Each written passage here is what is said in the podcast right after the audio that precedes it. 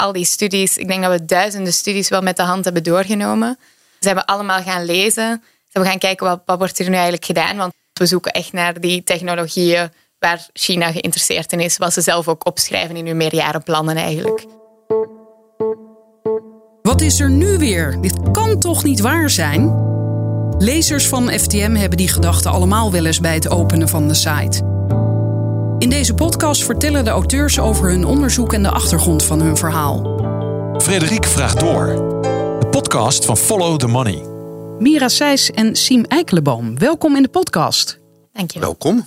Wat heb ik jullie lang niet gezien? Ik ben echt heel blij. Jullie zijn heel druk bezig met het China-dossier, waar inmiddels 43 artikelen in staan. Zo, sta ik zelf van te kijken.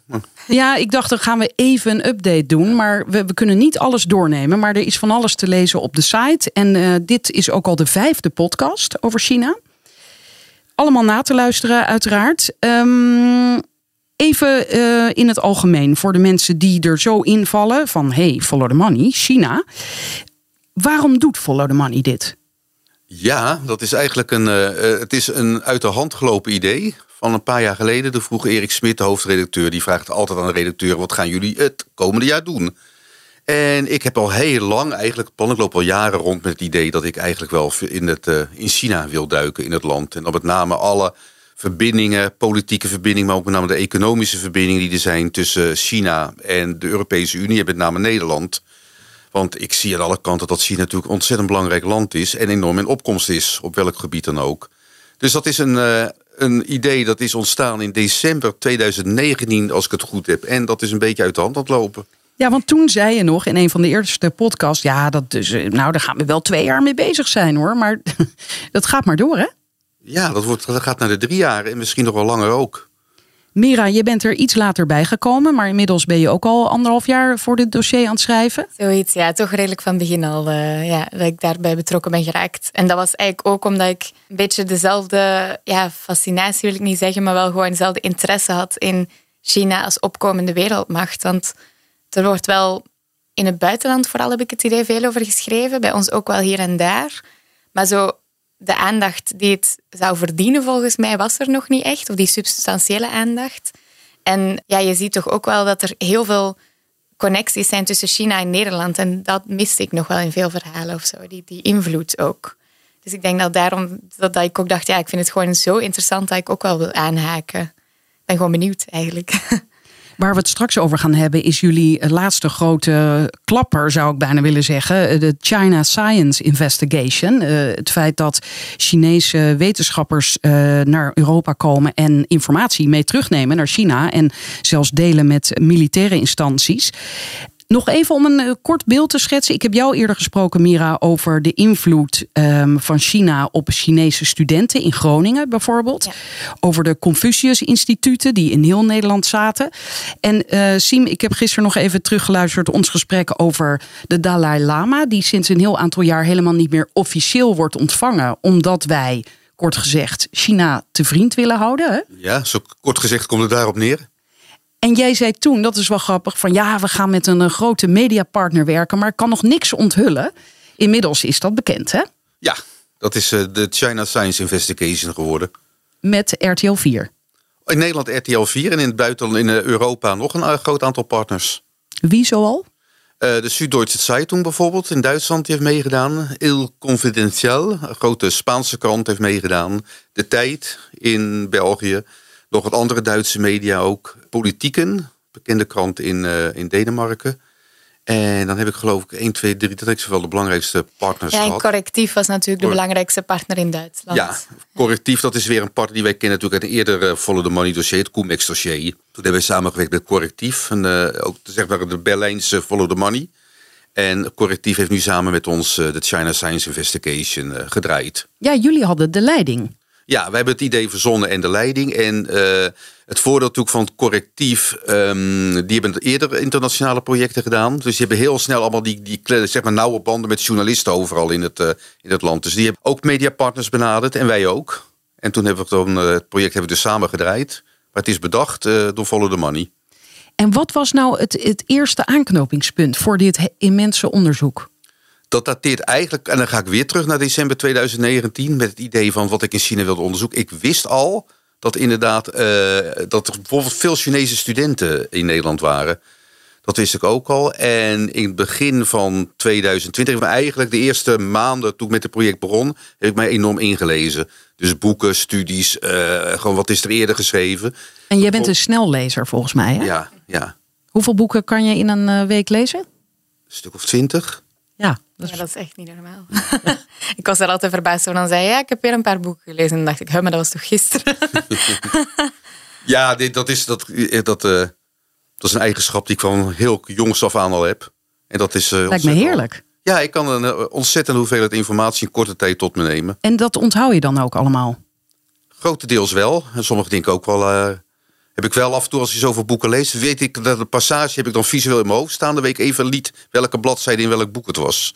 Dat kan wel eens even problematisch. Oh, we hebben het nu ook echt over een fotografisch geheugen. Ja, ja, ja dat uh, kan soms een passage. doe ik mijn ogen dicht en zie ik die passage staan.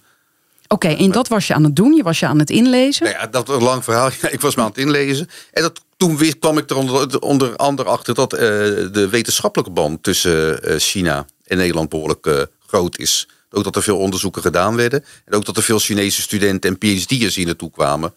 En dat, dan moet ik even teruggaan in de tijd. Daar zitten we al begin vorig jaar. Toen kwam ik ook in contact. Eh, ik sprak met een, uh, een wetenschapper, Danny Pronk van instituut Klingendaal. En die vertelde me ook dat Delta bezig was. Dat is het universiteitsblad van de TU Delft. Die waren aan het kijken van de samenwerking tussen de TU Delft en Chinese wetenschappers. En toen dacht ik, shit, dat onderzoek zijn wij ook aan het doen heb ik ze gebeld, de twee redacteuren. Uh, maar ze bleken al zo ver te zijn. Ik heb er voorgesteld kunnen gaan samenwerken tussen Delta en uh, Follow the Money. Zij bleken al heel ver te zijn. Ze bleken al bijna klaar te zijn. Dus ze hebben toen een paar hele goede artikelen uh, gepubliceerd voor Delta. Is ook genomineerd voor de Tegel, belangrijke journalistieke prijs, terecht ook. Maar ik was ook van hun werk zo onder de indruk dat ik de twee redacteuren heb gevraagd: joh, sluit je aan bij ons team. Want ze wisten natuurlijk al hoe je moet zoeken. Ze kennen de academische wereld. Eén die is na een tijdje weer afgehaakt. Maar Annabel de Bruin die is gelukkig tot op de dag van vandaag... Uh, zit ze voor één dag in de week in ons team. En uh, daar zijn we heel blij mee. Ja, maar nog even over dat allereerste feitje. Want je zei, ik wist al dat er veel uh, Chinese studenten hier in Nederland waren. Maar wanneer zag je dan iets waarvan je dacht... hé, hey, met wie wordt die informatie die zij opdoen... eigenlijk die kennis die zij vergaren, eigenlijk gedeeld? Dat was eigenlijk toen het project al van start ging ja, waar, op zo'n moment, ik zat ook te denken van, er worden wetenschappelijke studies. Maar ik ben niet zo op de hoogte van al die wetenschappelijke database. En toen ik Dimitri Tokmetsis, die kwam net bij ons werken, de datajournalist. Toen ben ik met hem ben ik gaan brainstormen. En hij zei, joh, ik denk dat het mogelijk is om op grond van uh, de wetenschappelijke database, om alle studies waar we op zijn minst één uh, wetenschapper zien die verbonden is aan een Nederlandse universiteit, met een wetenschapper die verbonden is aan de Chinese universiteit, om die uit al die wetenschappelijke databases te trekken. Nou, dat lukte. Dat werd dus een gigantisch bestand van ruim 350.000 wetenschappelijke studies. En uit een cross-referencing, dus ga je gewoon verder zoeken. Toen kwamen we er ook nog eens achter dat, ja, joh, we werken niet alleen samen met civiele Chinese universiteiten, maar ook nog eens een keer met universiteiten die direct gekoppeld kunnen worden aan het Chinese leger. En aan dit onderzoek heb jij ook meegeholpen, Mira? Ja, um, vanaf dat de database er was. En de database was trouwens ook nog breder dan alleen Nederlandse studies samen met uh, Chinese studies. was ook met Europese, andere Europese universiteiten. En ja, ik ben er eigenlijk ook bijgekomen vanaf het moment dat die database al was. Die lag er al een tijdje. Daar moest natuurlijk nog iets mee gebeuren. Dus op een gegeven moment zijn Doreen, Boy en ik en Siem ook door die database gegaan uh, met allerlei verschillende zoektermen waarvan we wisten, oké, China is geïnteresseerd in deze domeinen. Dus we hadden bijvoorbeeld een paar, een aantal studies samengevonden waarin echt bewijs werd geleverd, oké, China is op zoek naar technologieën, bijvoorbeeld kunstmatige intelligentie, maar ook ehm, als het gaat om, om uh, boten bijvoorbeeld. Uh, ze hadden nu ook een soort droneboten, dat soort technologie. En we hadden dan een hele lijst. En die lijst zijn we eigenlijk systematisch afgegaan met verschillende zoektermen. En zijn we gaan kijken, zijn er inderdaad studies op deze gebieden die wij in Nederland samen doen met Chinese militaire wetenschappers. En zo zijn we dan ook weer al die studies, ik denk dat we duizenden studies wel met de hand hebben doorgenomen. Zijn we allemaal gaan lezen. Zijn we gaan kijken wat, wat wordt er nu eigenlijk gedaan. Want soms dan was het in één keer ging het over luchtkwaliteit of zo. En dan ja, misschien zit daar ook nog wel ergens een dual use. Uh, dat betekent dat het ook militair, maar ook civiel gebruikt kan worden. Maar we hadden, ja, we hadden vaak zoiets van, dat is toch minder interessant. We zoeken echt naar die technologieën waar China geïnteresseerd in is. Wat ze zelf ook opschrijven in hun meerjarenplannen eigenlijk. Dus zo zijn we dan gaan selecteren van welke interessant waren en welke niet. Ja, die, dus zo'n voorbeeld van uh, een technologie die je voor meerdere dingen kunt gebruiken. Dus ook militair, dat noemen jullie, is de, zijn de hypersone vliegtuigen. En die hypersone techniek kan ook gebruikt worden voor wapens. Um, ja, die zijn dan weer net niet helemaal dual use. Want uh, de, die heeft verschillende toepassingen, onder andere in wapens, maar ook in bijvoorbeeld raketten voor de ruimtevaart. Maar als je kijkt naar die um, defensie-universiteiten, als die uh, met ruimtevaart bezig zijn, is het eigenlijk vrijwel altijd militair. Dus het is niet echt een civiele toepassing, zeg maar. Maar je hebt ook wel andere technieken, zoals drones. En daarvan is het wel mooi, dan wordt er zo'n studie gedaan en dan is, wordt er altijd gezegd, ja, deze drones die kunnen gebruikt worden om, om mensen uit bosbranden te redden en uh, als keukenrobot of zo. Er zijn allemaal van die. Het zijn altijd hele onschuldige dingen die wel genoemd worden, maar wordt dan duidelijk weggelaten dat het ook in wapens of in militaire toepassingen gebruikt kan worden. Dus dat is wel heel duidelijk dat altijd die positieve kanten worden belicht in die studies. In hoeverre zegt China zelf ook uh, van ja, eh, wij willen de grootste wetenschappelijke macht worden. Niet, we willen niet alleen economisch de grootste worden ter wereld, maar ook wetenschappelijk.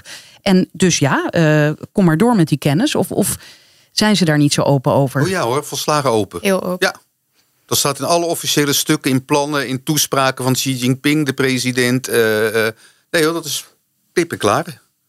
Ja. Dus zij weten dit, maar wij wisten dit zelf nog niet. Ja, wat, wat, altijd, wat ik altijd wel interessant vind met China, is dat wij hier dan heel erg doen van ja, dit vullen we zelf in of dat willen ze helemaal niet. Dat was ook met die Confucius-instituten, herinner ik mij. Toen zei, zeiden mensen ook hier nog na ons artikel van ja, maar dat zijn toch onschuldige taalinstituten. Terwijl eigenlijk in China zelf was iedereen daar heel duidelijk over. Daar zeiden ze zelf, we gebruiken die instituten om te proberen de rest van de wereld positief te beïnvloeden. Dus om, om eigenlijk China een mooier, in een mooier daglicht te stellen.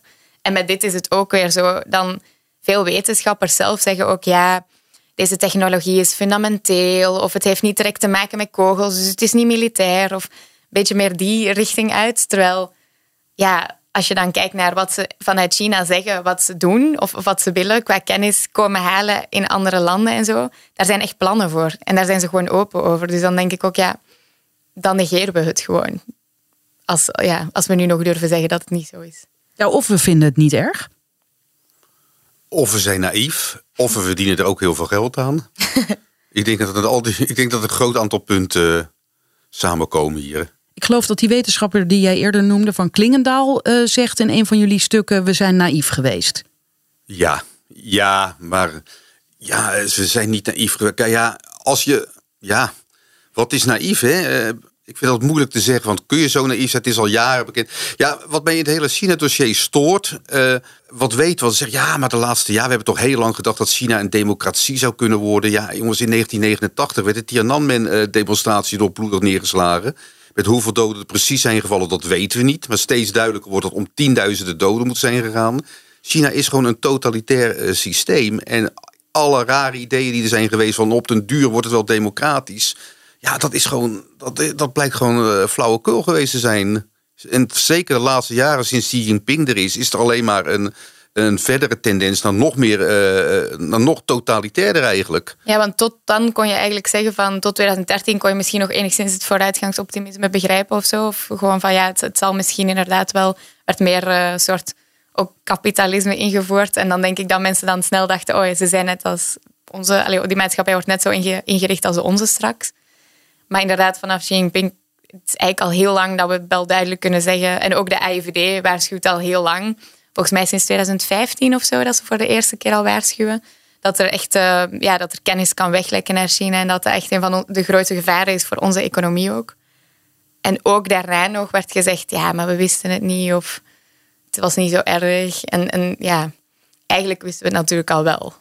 Hebben jullie andere wetenschappers hier in Nederland gesproken en hen deze vraag gesteld van wat vinden jullie hiervan? Ja, ja, het, grappige is wel dat iedereen daar net zijn eigen visie op heeft. En daarom denk ik ook wel dat het belangrijk is om vanuit een universiteit of vanuit een ministerie een beleid te hebben. Zodat iedereen zijn eigen ding kan doen. Want dan voor, misschien voor in het algemeen voor open wetenschap uh, is dat wel een goed idee, maar voor staatsveiligheid misschien iets minder als iedereen daar, elke wetenschapper daar zijn eigen ding over mag doen. Want er zijn dan sommige wetenschappers die zeggen, ja, ik wil eigenlijk heel graag strengere richtlijnen, want ik vind het heel moeilijk wanneer iets dual use is of wanneer ik iets wel of niet met China samen mag doen. Er zijn ook andere wetenschappers die zich totaal geen zorgen maken en het net heel interessant vinden om op hun vakgebied uh, met Chinezen samen te werken, omdat die dan bepaalde Chinese wetenschappers echt uh, ja, gewoon superveel kennis hebben op bepaalde domeinen en zij vinden het dan heel interessant om daarvan te leren. Maar dan, ook, dan zie je wel dat die vaak heel erg bezig zijn met hun eigen domein en echt in dat hokje zitten. En niet denken van, oh, wat zou daar nog meer mee gedaan kunnen worden? Of ja, is er misschien een andere toepassing die minder fijn is met mijn technologie? Ja, er komt ook een voorbeeld voor in jullie stukken eh, dat in 2016 vier onderzoekers, twee van de TU Delft en twee uit China, eh, een wetenschappelijk artikel over technieken voor plaatsbepaling onder water publiceerde. Omdat GPS daar niet werkt, schrijven jullie dan, zochten ze een alternatief. Onderwatersensoren die akoestische signalen uitzenden. Dat is ook weer zo'n voorbeeld van ja, uh, wij hebben die kennis zelf ook nodig. Uh, je doet dat onderzoek dan met Chinezen, zij nemen het mee. ja, hoe, hoe moet je dat anders aanpakken? Ja, bij dit voorbeeld bijvoorbeeld was, eh, herinner ik mij dat het eh, in samenwerking was met de National University of Defense Technology in China. Dus de, eh, een van de belangrijkste militaire universiteiten. Ja, een militaire universiteit kan je al wel sneller denken dan andere universiteiten, zeg maar, dat die toepassing hoogstwaarschijnlijk ook militair te gebruiken is. Ja. Anders zou een militaire universiteit daar geen onderzoek naar doen. Dus het is ook belangrijk om te kijken gewoon met wie doen we dit onderzoek. Um, ergens begin juni zijn Doreen en ik ook naar de Tweede Kamer gegaan, omdat daar een debat werd, een spoeddebat werd aangevraagd, eigenlijk vooral naar aanleiding van onze publicaties ook over China. En dat is wel waanzinnig, hè? Ja, dat was wel, ja, het was vooral wel interessant omdat of, of, grappig om te zien dat iedereen de hele tijd zei, naar aanleiding van de China Science Investigation. Want wij waren eerst nog aan het denken, ja, het zal waarschijnlijk niet naar aanleiding hiervan zijn nog een beetje zo bescheiden. En toen uiteindelijk was iedereen daar de hele tijd, iedere politicus die daar iets heeft gezegd, heeft ons wel een soort van genoemd. Dus dat was wel, uh, wel leuk om te zien dat ze, er toch wel, dat ze het ook serieus namen. Um, en daarin is wel echt ook ja, gezegd dat, ze, dat er gewerkt wordt aan een soort lijst om mensen te screenen. Dus dan wordt er bijvoorbeeld gekeken naar wat voor iemand is dat. Is dat een militair? Uh, is hij te verbinden aan het leger? Of werkt hij aan een universiteit die dus een, alleen een defensieuniversiteit is. En dat, um, ja, dat zijn denk ik wel dingen die je kan doen. Gewoon denken van, oké, wil ik samenwerken met, een, met het leger? Basically. Ja. Interessant is dat dit uh, spoeddebat onder andere uh, was met de minister van OCMW, Robert Dijkgraaf, zelf een wetenschapper. Ja, ja, klopt. En het grappige was ook dat hij daarin zelf nog zei: Ja, ik, um, ik zie ook wel echt de positieve kanten van samenwerken met China, wat ik trouwens ook helemaal uh, erken. Maar daarin zei dan, ja, want ik ben zelf een wiskundige en ik deed fundamenteel onderzoek. En dan is het niet zo erg of zo. Daar kwam het dan op neer. Terwijl net die naïviteit wij zelf ook zagen bij bepaalde wetenschappers. Want fundamenteel onderzoek klinkt misschien minder spannend of minder... Want wat is dat? Um, ja, je hebt zeg maar meer praktisch onderzoek. En fundamenteel is eigenlijk het tegenovergestelde daarvan. Dat is meer uh, naar de... Theoretisch? Iets meer, theo ja, iets meer theoretisch inderdaad. Ja, ja, dat is wel een goeie meer theoretisch naar de fundamentele, ja, de basistechnologieën die nodig zijn. Dus je kan bijna nooit zeggen van een fundamenteel onderzoek, oh, dat is meteen gebruikt in een wapen of zo. Omdat het echt het theoretische gedeelte is inderdaad. En dan daarna komen nog de praktische studies van hoe gaan we dat uitwerken of zo. Hoe gaan we dat verder gebruiken? Dus na dat theoretische gedeelte weet je nog niet hoe je het moet implementeren. Nee, precies. En daarom vinden mensen het vaak ook onschuldig. Maar wat we weten is dat er in China een best wel tekort is aan fundamenteel onderzoek. Dus dat ze er nu zeker ook naar op zoek zijn. Dus dat het niet is omdat iets fundamenteel is, dat het in één keer niet meer interessant is. En even, uh, jullie schrijven ook in een bijzinnetje, uh, bij dat spoeddebat waren geen linkse partijen aanwezig. Nee, klopt. Dat, hoe kan dat? Dat viel ons echt op, want dat, dat is heel typisch eigenlijk, denk ik, tegenwoordig in Nederland, dat bepaalde onderwerpen worden heel links of rechts gezien. En dan denken die partijen, denk ik vooral, we hebben hier niks te winnen, dus we gaan niet. In dit geval had ik ook zoiets van, ja, kennisveiligheid lijkt me een heel... Een, een issue voor iedereen, zeg maar. Net als, ja, nogal. ja, dat heb ik hetzelfde met klimaat of zo. Dat wordt ook zo gezien als een linksding, terwijl ik denk ook dat is van alle partijen. Um, maar in dit geval was het dus echt zo. En dan zag je wel van, ja, het is natuurlijk wel een mooi rechtsonderwerp om dan te zeggen de buitenlanders komen hier iets misdoen, zeg maar. Of, of een, ja, dat, dat wordt natuurlijk al snel en veiligheid en zo. Dat zijn snel thema's die door rechtse partijen worden aange... Verrast jou dat nog, zien? Nou, ik was natuurlijk niet bij. De, ik was op vakantie toen dit speelde, dus ik, ik hoor dit voor het eerst. Ik heb nog niet. Ik heb een achterstand ook met het lezen van de artikelen. dus het is, maar ik zie wel dat bijvoorbeeld de VVD eh, enorm actief is op het China-dossier. Ja, en de FVD ook. Uh, ja. ja.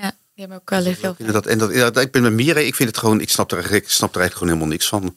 Dat linkse partijen hier zich ogenschijnlijk niet voor interesseren. Jee, want het is inderdaad. Het gaat ons allemaal aan, toch? Absoluut, ja, ja. ja. dat zou je zeggen, ja. ja. Maar het plan is nu, uh, dat heeft de minister gezegd, dat er vanaf volgend jaar een no-go-lijst komt. Je noemde het net al een beetje. Waar, maar die is dan weer niet, dat is een soort advies. Hè? Ze kunnen natuurlijk niks verplichten. Nee, en uh, daar werden ook wel vragen over gesteld. Er waren eigenlijk vragen die wij zelf ook wel hadden. Um, in hoeverre is iets verplicht? Want het blijft altijd vrijblijvend. Eigenlijk tot nu toe, er zijn al best wel veel um, soort advieslijsten of, of um, adviesorganen ook ingericht inmiddels, om waar universiteiten terecht kunnen als ze denken, moet ik dit nu wel of niet doen? Maar het is allemaal heel vrijblijvend. Maar de meesten zijn nu wel van, ja, ik zie geen reden om dit echt te moeten verplichten in dit geval, omdat eigenlijk alle universiteiten bijna smeekten om dit te krijgen. Dus ze wilden het zelf heel graag. Dus daarom had hij zoiets van, het, voor zover ik het goed begreep, uh, dat het dus nog niet nodig was, maar dat hij er wel naar zou kijken mocht het dus weer niet in de praktijk worden uitgevoerd. Oké, okay, oké. Okay. Dat is enigszins geruststellend. Ja, dan moeten we nog uh, volgen. Ja, dat zijn uw woorden, Frederik. ja. ja. Siem, even nog weer een ander voorbeeld. Um, van minstens acht promovendi staat vast dat ze meteen na hun terugkeer bij een afdeling van het People's Liberation Army, de PLA, gingen werken. Zo zit een aan de TU Delft gepromoveerde wetenschapper nu bij die PLA-eenheid. En er staat dan een lang nummer achter, waar hij een onderzoek publiceerde over de toekomst van robotoorlogsvoering. Ja, dat, Hoe ontdek je zoiets? Ik bedoel, wordt, zo iemand kan je niet dagelijks volgen of zo? Nee, dit is ook inderdaad dit is heel goed onderzoek geweest van onze collega Annabelle. Annabelle de Bruin, die dit uh, heeft uitgevoerd. Die was hier al heel lang mee bezig. En die heeft zich eigenlijk inderdaad de afgelopen maanden zelfs heel lang bezig zich helemaal gericht op die PhD'ers. Dus welke promo, de Chinese promovendi komen hier naartoe? En met name, wat is die achtergrond van die promovendi? Van welke, waar komen zij vandaan? En zij ontdekte, en later heeft Roland Strijk van RTL er ook nog goed onderzoek mee gedaan, dat er behoorlijk wat uh, van die PhD'ers echt dus inderdaad van het leger komen. Dan hier vervolgens bij aan, voornamelijk aan de Technische Universiteit een promotieonderzoek gaat doen, wat eigenlijk ontzettend goed in de kraam van de Chinese uh, overheid van pas komt. En vervolgens weer terugkeren naar China dan is niet altijd uit te zoeken wat ze daar gaan doen. Maar we zagen wel van een groot aantal dat ze inderdaad ook weer terugkeren naar het leger of naar een ander leger uh, verwant instituut. Ja. En Annabel die kan dus heel goed Chinees lezen ook. Dus dat hielp volgens mij ook bij dit onderzoek heel veel. We hebben ook zelf proberen met eigenlijk iedereen zoveel mogelijk ook bronnen uit het, vanuit het Chinese internet te halen. En daar, ook, ja, daar, daar staat gewoon veel meer. Dus daar ook gebruik van te maken. Vooral van wat zij ook allemaal openbaar aan informatie. Is daar ook zoiets als het Chinese LinkedIn, waar mensen zeggen waar ze werken? Nee, maar jij, jij vroeg eerder al, hè, van hoe weet je informatie dan, uh, uh, is de Chinese overheid daar open in? Nou ja, wat Mira ook al zei, dat is heel leuk. Annabel, die leest dus inderdaad Chinees en die vond gewoon dus een krant. En in die krant stond gewoon een bericht dat er een appgroep staat, of een, een uh, die is niet wie, WeChat. Ja. WeChat groep, dat is een Chinese appgroep. Een WeChat groep bestaat van PhD'ers die in het buitenland studeren. En er openlijk gewoon vooruitkomen inderdaad. Want er, is, er kreeg ze een uitnodiging. Eh, het volkscongres begint. Xi Jinping gaat de, de mensen zo massa toe spreken. Je moet nou je eh, telefoon, je moet nou je computer inschakelen om daarna te gaan luisteren. Na afloop zie je ook die PhD'ers gaan, uh, gaan discussiëren. Oh, Xi Jinping heeft weer goede dingen gezegd. En daar bleek ook in die groep dat ze ook in het buitenland zitten. Om een kennis op te doen. Ook om China groter en sterker en machtiger te maken. En in die PhD, op een van die leden, was ook een van onze Nederlandse PhD'ers. Dus ze zagen Aha. die PhD'ers naar Nederland komen, zagen die PhD'ers onderzoek doen en wie kwamen die PhD'ers tegen in die uh, WeChat groep. Want daar, zat, daar kon Annabel in, in die ja. WeChat groep? Ja. Undercover? Of? Nee, het werd, werd aangehaald in een krantartikel. Uh... Dus was oh, een krantartikel oh, ja. die besteedde aandacht aan die WeChat groep. En die noemde ook die PhD'ers met naam en toenaam. Want ik zeg nu undercover en dat doet me denken aan iets anders. Over moeilijk zoeken naar iets. Even kijken hoor, dat moet ik even opzoeken. Wat zei Oh ja, sommige promovendi maken gebruik van schuilnamen van onschuldig klinkende universiteiten, schrijven jullie. Ja. Ja. Ja, dat, dat zijn we een paar keer al tegengekomen. En dat is eigenlijk vooral ook, um, weten we dit door weer onderzoek van andere onderzoekers, ook buitenlandse onderzoekers, die dan al hebben vastgesteld dat een bepaalde naam heel vaak terugkomt in relatie tot mensen die ook weer bij een andere universiteit eigenlijk zaten. En dan, dan zag je ook wel van, als dan, wij hebben er een paar volgens mij helemaal uitgezocht, een paar wetenschappers, waarbij je gewoon zag, oké, die zit eigenlijk aan die andere universiteit en die gebruikt dan deze naam. En dat was dan iets van meteorologisch onderzoek of zoiets, was dan de schuilnaam, maar eigenlijk zat ze dan echt bij een, bij een militaire universiteit. En dan zie je toch ook wel dat het moeilijk is om zo'n lijst op te stellen, want ja, als iemand liegt over waar die vandaan komt. Ja, en, en dit staat dan kennelijk weer haaks op die openheid. Ja, aan de ene kant zie je die openheid, maar aan de andere kant zie je natuurlijk ook dat in toenemende mate ook China ziet dat het Westen problemen krijgt met bepaalde dingen. Dus die openheid die is ook uh, aan het verminderen. Ja. Om een groot voorbeeld te noemen, het over het Xinjiang bijvoorbeeld. Er zijn wetenschappers uh, en die hebben zeg maar, de misstanden in van die kampen in Xinjiang kunnen onthullen. Omdat al die zogenaamde aanbestedingsformulieren. Er zijn wetenschappers die zagen aanbestedingsformulieren. Nu ga je te snel hoor, want we hebben het nu over de Oeigoeren. Ja, we hebben het, sorry, ja, we hebben het over de Oeigoeren. Maar om dat even te noemen, die misstanden, wat er gebeurt met die Oeigoeren, dat is naar buiten gekomen doordat westerse wetenschappers Chinese aanbestedingsdocumenten konden lezen. Die stonden gewoon vrij op internet en daardoor konden ze zien. Aanbestedingen voor die kampen? Voor, ja, voor het bouwen van kampen, uh, voor, voor, het aan, voor, het aanwerven van bewakers, voor, voor politie, voor de, uh, de aanschaf van surveillanceapparatuur.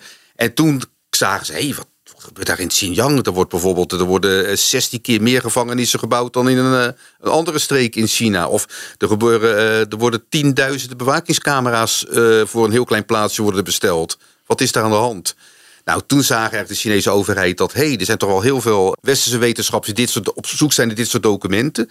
En dan zie je de laatste jaren dat dit soort documenten minder en minder openbaar zijn op, op internet. En dat is ook zo'n reden waarom je inderdaad. Ze zijn heel open in hun doelstellingen. Maar je ziet in toenemende mate dat bijvoorbeeld ook een, uh, Chinese wetenschapper... die meldt zich bijvoorbeeld bij Delft... en die zegt ik ben afkomstig van het uh, High-Tech Institute of Beijing... en het andere studies weten dat dat eigenlijk een naam is die verder helemaal niet voorkomt... maar die zit precies op hetzelfde adres van bijvoorbeeld een universiteit... van het Chinese leger. Ja. En dus hoe zou bijvoorbeeld dan zo'n no-go-lijst die er komt, die, die wordt ook opgepikt waarschijnlijk. En, en daar wordt ook over gesproken van hé, hey, men gaat scherper worden. Ik, ik weet nog helemaal geen idee met die no-co-lijst, hoe die samengesteld gaan worden. En... Nee, maar dat, weten ze zelf ook nog niet helemaal. Want um, ja, de minister van OCW, van Onderwijs, heeft dus ook uh, gezegd dat, het nog, dat ze daar eigenlijk heel voorzichtig in willen zijn. Want wat je wel merkte was, alle partijen, alle Kamerleden gingen heel veel druk zetten en zeggen van beter nu dan, dan morgen dat die lijst er komt. Alleen hij zei wel, en ik denk dat dat op zich geen slecht idee is, uh, daar moet echt goed over worden nagedacht. Want we moeten ook echt goed kijken welke technologieën wel, welke niet. We moeten het ook een soort levende lijst maken, want technologie en interesses veranderen natuurlijk. En ja, ook die instituten, dus van welke zetten we er wel op, welke zetten we er niet op, dat zijn wel dingen waar nog even onderzoek naar gedaan moet worden. Ik denk ook in samenspraak begreep ik met andere Europese landen, want iedereen zit natuurlijk met dit probleem met kennisveiligheid versus open wetenschap en, en kennisuitwisseling. Want dat is natuurlijk ook een heel belangrijk fundament van onze democratieën. Ja, en wat je nu noemt is ook wel een goed punt. Wij zijn dus niet de enige die leeggeplukt worden. Nee, dat, dat is die China Science Investigation. Dat kwam eigenlijk uh, kort al aan de orde. Maar dit is, we hebben een internationaal project uh, gedraaid. En daaruit bleek ook, toen wij aan het praten waren met onze internationale collega's, dat in Nederland, hoe weinig wij ook doen, in ieder geval deden wij al iets. Er was al een beetje bewustwording tot stand gekomen. Terwijl deed onderzoek in Duitsland, nou dat is echt ingeslagen als een bom. Want daar was tot voor kort echt, er werd helemaal niet over gesproken. En de Duitsers zijn natuurlijk heel lang naïef geweest. Hè? Duitsers hebben ook heel lang gedacht van uh, wandel door handel. Met andere woorden, we gaan China wel democratisch maken door heel veel handel met China te drijven. Nou, daar zijn de Duitsers natuurlijk enorm van teruggekomen. Maar in Duitsland is er echt, uh, ja, die deden ook enorm veel onderzoek nog met de Chinese legerinstanties. En daar is het ingeslagen als een bom. En hier, dat noemde jij al eerder, Mira, gebeurt er eigenlijk niet zo heel veel. Ja, wel natuurlijk een debat in de Kamer. En dat is misschien uiteindelijk het belangrijkste. Maar verder, andere media die, die kijken zo'n beetje van... Oh ja, Follow the Money heeft weer een verhaal. Of overdrijf ik nu? Nou, we hebben natuurlijk met RTL samengewerkt. Dus die hadden daar ook uh, een verhaal over. Ja, en verder heb ik het inderdaad niet zo heel veel zien voorbij komen. Um, ja, in andere landen wel veel meer. Uh, dat is ook wel leuk om te zien. Ik weet, eigenlijk, ja, ik weet niet precies waar dat dan door komt. Ehm, misschien ook omdat het nogal groot is en nogal wijd. En wij hebben alle data. Die data zijn ook niet echt na te kijken of zo. Dus dan, ja, misschien is het dat dan wat andere media tegenhoudt om het over te nemen. Ik weet het eigenlijk niet. Ja, ik constateer alleen maar dat heel veel media... Je ziet wel we grote media een correspondent in China hebben. Dus dat wel, maar dat ze eigenlijk heel weinig schrijven... over de invloed van China uh, in Nederland zelf. Dat is heel merkwaardig. Wat misschien ook wel interessant is, in de commentaren onder al die artikelen eh, hoor je ook wel eens het geluid van: ja, uh, wacht eens even, um, is dit nou zo heel erg? Want, want vroeger, of nog steeds, laten we ook Amerikaanse wetenschappers bijvoorbeeld toe. De, nu de grootmacht in de wereld en delen we ook kennis. Wat is er erg aan om je kennis te delen met een grootmacht? Sterker nog, misschien moet je ze maar een beetje te vriend houden. Ja, dat is een rijkelijk naïeve gedachte. Ja. Wij krijgen dat onderwerp heel vaak. Hè, van je schrijft voor China, maar Amerika of maar Israël en dit of dat. Ja, mijn antwoord is eigenlijk, eigenlijk gewoon heel simpel. Ook um, je, hoe je ook denkt over Amerika, maar er is dan nog steeds een heel groot speelveld van bijvoorbeeld, er, is, zijn er hele goede journalistieke media. Er zijn er hele goede onderzoeksjournalisten. Je hebt daar NGO's, je hebt daar advocaten die hun werk kunnen doen. Kort, je hebt een heel stelsel van wat ik maar eigenlijk inderdaad het, het civiele stelsel doet. Dus dat weer weerstand kan bieden aan de macht. En je hebt ook gezien met Trump, en je hebt bijna, laten we dat niet vergeten, we hebben gewoon bijna een staatsgreep gehad in Amerika. Die is ook mislukt, ook omdat er nog steeds dat hele, dit civiele element, dat, dat staat er nog allemaal. Je hebt daar actiegroepen, eh, mensen die voor de democratie op, opkomen, uh, ja, journalisten, ook wetenschappers. Dat is allemaal heel op uh, vakbonden bijvoorbeeld, ook universiteiten die onafhankelijk zijn. Gaan we terug naar China, dan heb je te maken met een totaal ander land waar alles, maar dan ook letterlijk alles in dienst staat van de, de, uh, de enige partij die er is, de communistische partij. Onafhankelijke journalisten, die zijn er niet. Onafhankelijke advocatuur, onafhankelijke rechtspraak, onafhankelijke politie, onafhankelijke vakbonden en zelfs de wetenschap de ware, uh, redelijk onafhankelijke wetenschappers en universiteiten in China. Ja, dat is onder Xi Jinping. Uh, Mira noemde het al. Ze hebben daar inderdaad al de, de militair-civiele samenwerking, hebben ze dat. Maar het komt erop neer in toenemende mate. worden alle universiteiten in China, die hebben al een communistische partij, hebben ze aan boord. Een bepaald secretariaat hebben ze daar. En de universiteiten zijn nadrukkelijk ingeschakeld in het hele streven om van China het belangrijkste en machtigste land ter wereld te maken. En dat is echt een fundamenteel verschil met zelfs landen als Israël of Amerika of wat dan ook. Als de weg er naartoe bedoel je? Want Israël en Amerika willen ook wel machtig zijn. Maar de weg er naartoe is heel anders. Ja, die willen ook inderdaad heel. Uh, ja, de weg is heel anders. En wat je ook nog eens uh, ziet met China. Uh, er wordt ook gezegd, ja, maar Amerika die is het ene land na het andere land binnengevallen. En China heeft die aspiraties nog niet. Dat is A, een beetje geschiedvervals. Want ook China heeft wel degelijk gebieden ingelijfd. Denk maar aan Tibet en Xinjiang dat zijn we. Kijk eens ook wat ze voor plan zijn met Taiwan. Ja, want dat is heel actueel nu. Hè? En ze zijn natuurlijk ook nog. Kijk eens naar uh, het landje pik wat ze doen in de Zuid-Chinese Zee. En, en, dat is ook in strijd. Ze zijn daar teruggefloten door even uit mijn hoofd 2015, 2016 internationale hof in Den Haag. En dat soort oordelen ook. De Chinezen leggen gewoon rechtelijke uitspraken. Die lappen ze gewoon aan hun laars. En Hongkong natuurlijk ook. Ja, Hongkong zou tot. Die hadden ze overgenomen natuurlijk van de, eh, de Engelsen. Dat zou toch behoorlijk aantal jaren redelijk onafhankelijk en democratisch zijn. Nou, dat is natuurlijk al helemaal teruggeschroefd. En wat helemaal bizar is, dus eind juni eh, kwam naar buiten de Chinese media dat nu inmiddels er zijn nieuwe tekstboeken gemaakt voor de Hongkongse scholen. En daar is het hele feit dat Hongkong jarenlang of decennia lang een uh, Engelse kolonie is geweest. Dat is helemaal dat is weggeschrapt. En over Taiwan, want daar er wordt gezegd dat omdat eh, het Westen zich nu richt op Oekraïne en Rusland, is er alle ruimte voor de Chinezen om Taiwan eh, binnen te vallen. Ja. Um, en Biden schijnt al gezegd te hebben dat als dat gebeurt. Dat hij dan uh, Taiwan verdedigt, ja? heeft hij gezegd. Maar toen daarna is het door zijn um, strategische adviseurs, geloof ik, er teruggetrokken. Er wordt ook wel gezegd dat het gedaan wordt uh, door Biden om twijfel te zaaien. Om dus eigenlijk meer dat China het niet zeker weet, zeg maar, of Amerika gaat helpen en dat dat misschien ook al helpt. Dus daar is, ja, dat is ook weer een beetje onduidelijk. Ik twijfel ook of het meteen gaat gebeuren. Uh, ik denk het kan, het kan ook niet. Ik weet wel dat ze nu bezig zijn met al speciale militaire operaties of zo. Uh, hadden ze onlangs iets over gezegd. Dat dat ook uh, dat het dan daar de regelgeving minder streng voor werd of zo. Ik weet niet precies hoe het zat. Ja, dus ondertussen recent bleek uit luchtfoto's ook dat ze er inderdaad in de woestijn. Er zijn veel woestijnen in China. En de woestijnen, er zijn inderdaad uh, gebouwen aangetroffen. En die bleken inderdaad, er bleken nagebouwde bijvoorbeeld havens van Taiwan te zijn. Dus op de, in de woestijn heeft Oh. China dus allemaal eh, eh, eh, infrastructuur uit Taiwan nagebouwd. Ja, waarvoor doe je dat? En je ziet natuurlijk ook de enorme uitbreiding van de, van de zeemacht met de amfibieschepen. Ze hebben heel veel amfibieschepen zijn ze aan het bouwen. Ja, waarom ga je amfibieschepen bouwen als je niet een land wil gaan binnenvallen? Maar er zijn ook deskundigen die denken, eigenlijk de consensus is dat ja, China gaat Taiwan binnenvallen. Maar wanneer? Dan zegt de ene zegt nog Ja. dit jaar en de ander zegt over tien jaar. Als het leger sterker is. Ja. Oké, even terug eh, tot slot naar de universiteiten. Ik hoorde ergens anders een gesprek waarin werd gezegd: ja, eh, er zijn al, al een tijdje Chinese universiteiten die kunnen wedijveren met de grote universiteiten in Amerika. En toen dacht ik, waarom hebben ze ons dan überhaupt nog nodig, onze kennis, als ze daar al zo goed eh, op zo'n hoog niveau zitten? Heel kl- klopt. Er zijn inderdaad in toenemende mate worden Chinese universiteiten ook steeds beter.